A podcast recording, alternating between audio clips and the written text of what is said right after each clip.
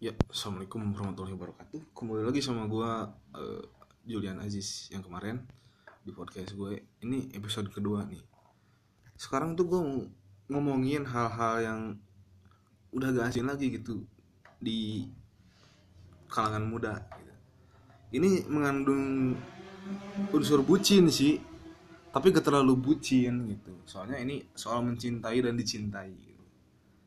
Ya jadi kita langsung aja ke pembahasan. Jadi gue mau ngomong gini soal soal ada yang request ke gue gitu. Ini topiknya gimana sih kalau kita mencintai dalam diam gitu. jadi intinya mencintai dalam diam itu gak enak lah ya gitu nah sekarang langsung aja lah ya kita bahas. Jadi, jadi ya mencintai seseorang itu bukan hal yang mudah gitu. Ya bagi sebagian orang termasuk gue tentunya Mencintai orang merupakan proses yang panjang dan melelahkan. Lelah ketika kita dihadapkan pada suatu keadaan yang tidak seimbang. Lelah ketika kita harus menuruti akal sehat untuk berlaku normal, meski semuanya abnormal. Lelah gitu ketika mata menjadi buta akibat dari perasaan yang membius tanpa ampun. Lelah ketika imajinasi menjadi liar oleh hayalan yang terlalu tinggi lelah ketika pikiran menjadi galau gitu oleh harapan yang gak pasti dan juga lelah untuk mencari suatu alasan yang tepat untuk sekedar e, melempar sesimpul senyum atau sebuah sapaan dalam tanda kutip apa kabar? Pokoknya intinya lelah lelah dan lelah gitu. Dan yang kita bisa lakuin itu cuman diam diam diam dan diam. Diam di dalam keheningan yang lebih dipilih gitu diam gitu nungguin waktu untuk memberi sebuah momen diam buat nyatat segala yang kejadian gitu. Diam buat memberi kesempatan otak kembali dalam keadaan normal. Dia membuat mencari sebuah jalan keluar yang mustahil. Dan diam buat berkaca pada diri sendiri dan bertanya apakah aku pantas? Dan diam untuk menimbang sebuah konsekuensi dari rasa yang harus dipendam. Ya intinya kita hanya bisa terdiam terdiam dan terdiam Sayangnya, dalam keheningan dan diam yang dirasakan oleh para seseorang yang sedang mencintai dalam diam, lebih banyak rasa galau daripada sebuah usaha untuk mengembalikan pola pikir yang lebih logis. Galau ketika mata terus meronta-ronta untuk sebuah sekelibat pandangan. Galau ketika mulut harus terkatup rapat meski sebuah kesempatan sedikit terbuka. Galau juga ketika mencintai menjadi sebuah pilihan yang menyakitkan. Pokoknya galau ketika mencintai hanya akan menambah beban hidup. Galau ketika menyadari bahwa segalanya nggak akan pernah terjadi. Galau juga ketika tanpa disadari harapan terlanjur membumbung tinggi. Dan juga yang paling galaunya itu ya ketika semua bahasa tubuh kayak digerakin buat bertindak bodoh gitu. Nah jadi apakah mencintai seseorang senantiasa membuat orang bodoh? Tentu tidak sih menurut saya ya namun itu ya namun itu yang pernah saya rasakan sih belakangan ini. Soalnya dalam kelelahan tuh diam sama kegalauan yang aku rasain selama ini ada rasa syukur atas berkat dari sang hidup atas apa yang saya alami. Syukur ketika rasa pahit menjadi bagian dari mencintai seseorang. Pokoknya kita banyak-banyak bersyukur lah. Meskipun kita tetap diam gitu tetap berada di dalam zona diam dalam keheningan. Nah, syukur juga karena tadi temukan sebuah nyali untuk mengatakan aku mencintaimu. Pokoknya syukurlah ketika perasaan kita hancur lebur menjadi bagian dari mencintai. Syukur juga kita harus nyembunyiin rasa sakit dan cemburu dalam sebaris ucapan aku baik-baik aja. Dan juga yang terpenting itu syukur atas rahmat hari yang berantakan akibat rasa pedih yang teramat dalam. Dan akhirnya bagi saya gitu kan keputusan untuk mencintai melalui sebaris doa jadi pilihan yang paling pantas.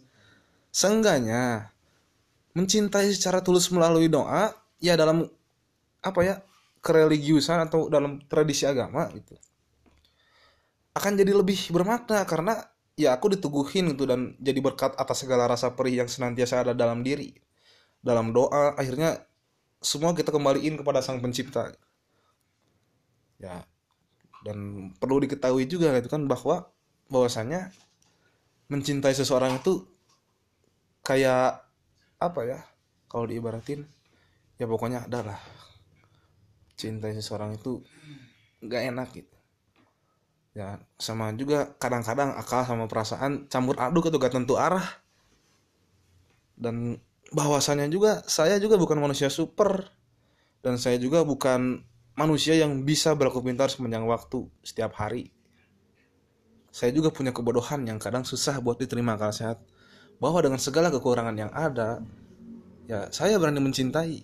Bahwa saya bersedia membayar harga diri harga diri mencintai seseorang. Hmm. bahwa itu saya bersedia juga itu menanggung rasa sakit yang luar biasa intinya. Dan hari ini dari semua yang aku omongin barusan berkembang menjadi sebuah bentuk kepasrahan.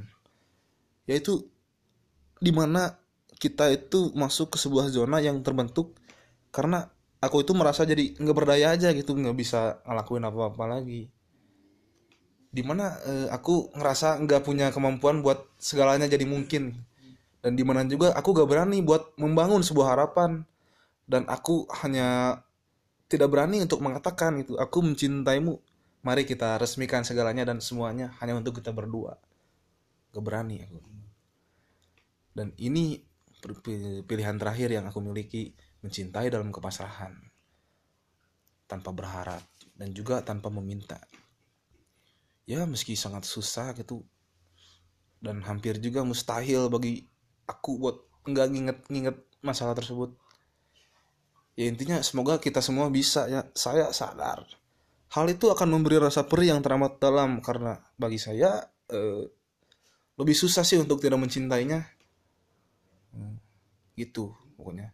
Dan tentunya dalam sebuah kepasrahan yang teramat dalam gitu kita pasti lama kelamaan akan menjadi lelah gitu. Soalnya kita seperti sedang ada di dalam perjalanan yang sangat melelahkan tetapi kita dalam keadaan diam dan di keheningan gitu. Jadi ya kalau kesimpulannya mencintai dalam diam itu merupakan sesuatu yang sangat tidak enak gitu. jadi kalau dikata-katain itu aku udah terlanjur cinta gitu sama kamu tapi aku benci sama perasaan ini. Dan itu nggak berani juga diucapin. Kita hanya bisa bermonolog ngomong diri sendiri di depan cermin ataupun di mana lah yang penting sendiri dan juga biasanya orang yang mencintai dalam diam itu intinya dia itu takut akan penolakan. Itu sih menurut aku spekulasi aku gitu prediksinya. Karena dia takut ditolak gitu jadi dia lebih memilih mencintainya secara diam-diam alias menyimpan rasanya. Toh padahal kalau dia berani untuk mengutarakan e, perasaannya gitu nggak diam aja di zona keheningan gitu. Toh si si objek yang ditujunya itu pasti belum tentu nolak gitu kan. Pasti ada rasa-rasa ter, terketuk pintu hatinya itu.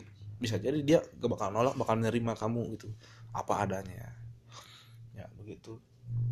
Jadi buat kalian yang mencintai dalam diam semangat lah ya mungkin memang itu takdirnya tapi suatu saat aku harap kalian bisa keluar dari zona diam dan kehenangan itu.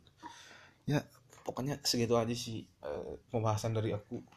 Pokoknya tetap semangat ya buat kalian yang mencintai dalam diam. Semangat